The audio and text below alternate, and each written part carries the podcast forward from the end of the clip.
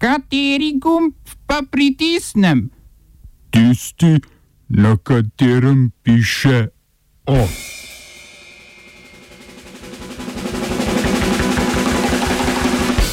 Libijski mandatar v parlament uložil seznam imen ministerskega zbora. Prizadevanja za preiskavo zločinov proti človečnosti v Tigraju. Začetek letnega kitajskega ljudskega kongresa. Velenska občina proti prehitremu zapiranju premogovnika Velenje.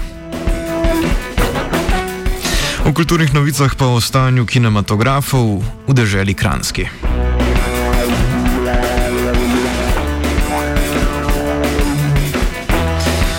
Dobr dan. Mandatar za sestavo nove tranzicijske vlade v Libiji, Abdul Hamid al-Dabaib, je v parlament uložil seznam imen ministrov, ki bodo, če jih poslanci potrdijo, sestavljali njegov ministerski kabinet. Čeprav seznam ni javen, njegova uložitev predstavlja pomemben korak ali poskus k stabilizaciji države, ki se je po odstavitvi dolgoletnega predsednika Moamerja Gaddafija leta 2011 znašla sredi krvave državljanske vojne. Al-Dabaib Filip, poslovnež, ki je koval dobičke v času gradbenega buma še v Gaddafijevem režimu, je bil za mandatarja izbran v začetku prejšnjega meseca na Libijskem forumu za politični dialog, zadnji medijatorski kampanji pod vodstvom Organizacije Združenih narodov, ki se je novembra začela v Tuniziji. Z oblikovanjem nove vlade se, če bodo forumske zaveze vzdržale, v Libiji obeta konsolidacija oblasti. Al-Dabaibova vlada bo namreč nasledila mednarodno priznano vlado Fajeza al-Saradža, prevzela pa bo tudi oblast na vzhodu države, kjer je delovala usporedna vlada zvesta uporniškemu generalu Kalifi Haftarju.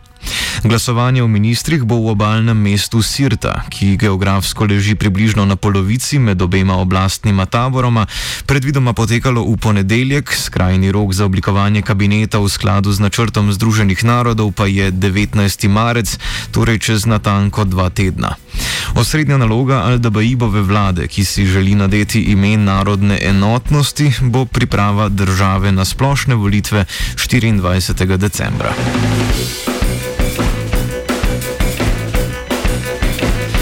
Visoka sekretarka Združenih narodov za človekove pravice Mišel Bašle je na etiopsko vlado naslovila prošnjo, da preiskovalcem OZN dovoli dostop do regije Tigraj, kjer sicer v mnogo manjšem obsegu kot lanskega novembra še naprej potekajo spopadi med državno vojsko in vojaškimi strukturami Tigrajske ljudske osvobodilne fronte, poznane pod kratico TPLF. Bašle je dejala, da njihove preliminarne analize podatkov kažejo na resno kršenje mednarodnega prava, pa tudi možne vojne zločine in zločine proti človečnosti, ki so jih zagrešili akteri udeleženi v konfliktu. Poleg lokalnih oboroženih skupin in milic je Bašle navedla TPLF, etiopsko in eritrejsko državno vojsko in vojake iz regije Amhara. Pripadniki vseh teh struktur naj bi bili odgovorni za množične uboje in izvensodne poboje ter posilstva, o katerih so poročali pri Amnesty International in drugih človekoljubnih organizacijah. V TPLF in etiopski vladi se na obtožbe še niso odzvali, je pa ob tem vredno omeniti, da so v kabinetu etiopskega premijeja Abija Ahmeda, Nobelovega nagrajenca iz leta 2019, pred dvema dnevoma v odgovor na obtožbe o kršitvi človekovih pravic v Tigraju sporočili, da noben posameznik ali organizacija držav državna ali mednarodna, nista nad zakoni države, torej etiopske države. Stališču, da se mora eritrejska vojska nemudoma umakniti iz Etiopije, se je medtem pridružil tudi generalni sekretar Antonijo Guterres, s čimer je OZN prvič javno opozoril na umešavanje sosedne države, ki na jugu meji na Tigraj. Čeprav sta obe državi, ki sta bili nekdaj del skupne federacije, zanikali prisotnost eritrejskih sil na etiopskem ozemlju, so dokazi o sosedskem umešavanju ali bolje sodelovanju sedaj postali tako evidentni, evidentni, da jih niso mogli spregledati niti pri Združenih narodih. Kljub temu ukrepanja vsaj v obliki vzpostavitve nujnega humanitarnega dostopa, ki bi omilil strahovito lakoto v Tigraju, za zdaj ne bo, saj pri varnostnem svetu države članice niso prišle do skupnega dogovora.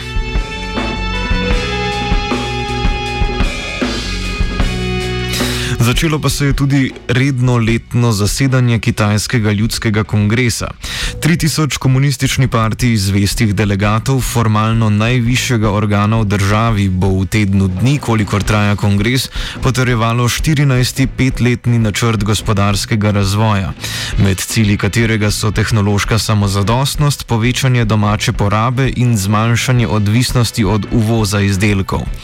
V sklopu gospodarskega dela kongresa je premijer Li Keqiang predstavil tudi napoved gospodarske rasti, ki je lani zaradi negotovosti povezane z novim koronavirusom izjemoma niso objavili. V letošnjem letu na kitajskem pričakujejo 6 odstotno gospodarsko rast. Na tedenskem dnevnem redu bo tudi vprašanje Hongkonga, ki se mu obeta reforma volilnega sistema, ki tako se glasi uradna dikcija, potrebuje izboljšave, ki bi zagotovile, da bi Hongkong upravljali domoljubi. Pričakovati je tako še naprejšnje krčenje hongkonške avtonomije na zasedanjih kongresa. Želani so delegati podprli zakon o nacionalni varnosti v Hongkongu, ki je kriminaliziral spodkopavanje oblasti v Pekingu.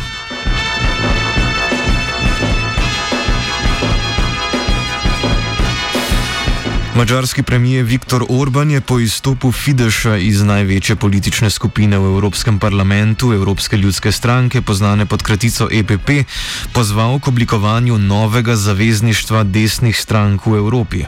EPP je označil za privesek Evropske levice, nova Evropska desnica pa bi zato zauzela izpraznjen prostor, ki bo postal, citiramo, Dom vseh evropskih državljanov, ki si ne želijo migrantov, multikulturalizma, ki niso zasvojeni z LGBT manijo, ki varujejo krščanske vrednote, spoštujejo nacionalno suverenost. Konec citata. Fidesz je sicer še vedno članica EPP, vendar je njen status od marca 2019 zamrznjen, sedaj pa je pričakovati, da bo izključena iz te evropske družine. Zaenkrat še ni jasno, s kom točno bi se Orban povezoval, v Evropskem parlamentu pa kot skrajno desne skupine trenutno že delujejo evropski konzervativci ter identiteta in demokracija. Oba, če, če bom odgovoril na angliški. Slovenija will try to help. Uh, we can. Slovenija will. Uh, and we will do our utmost to say that the situation is our problem ourselves. And uh, we will uh, make further steps as soon as the conditions are. Bomo vlado Marjana Cererja, Marjana Cererja Šarca podprli. Very, very serious. News from Slovenia. We know how and we will. Thank you. Če smo včeraj poročali o odločitvi termoelektrarne Šoštan, da ne bo izvajala sosežiga odpadkov, je dim iz šoštanskih raufankov tudi danes prinesel vest v eter radio študent. Velenski župan Peter Dermol se je s pismom obrnil na predsednika vlade Jane Zajanšo in izrazil skrb, da bi prehitro zaprtje premogovne enote Tež in s tem premogovnika Velenje povzročilo veliko negativnih posledic.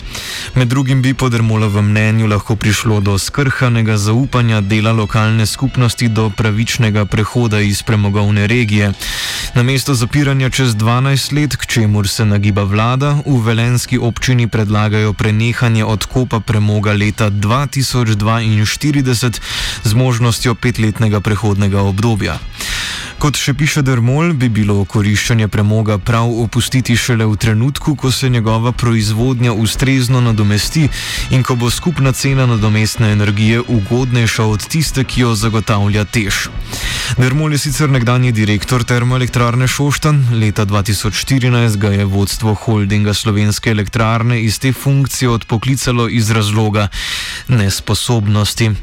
Krivdni razrešitvi je na to sledila še odpoved pogodbe o zaposlitvi. V politiki je Dermol sprva deloval kot podžupan, po smrti Bojana Kontiča avgusta lani pa je prevzel še županske naloge.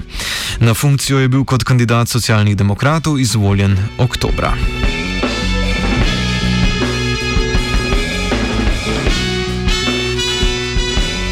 OF je pripravil žiga.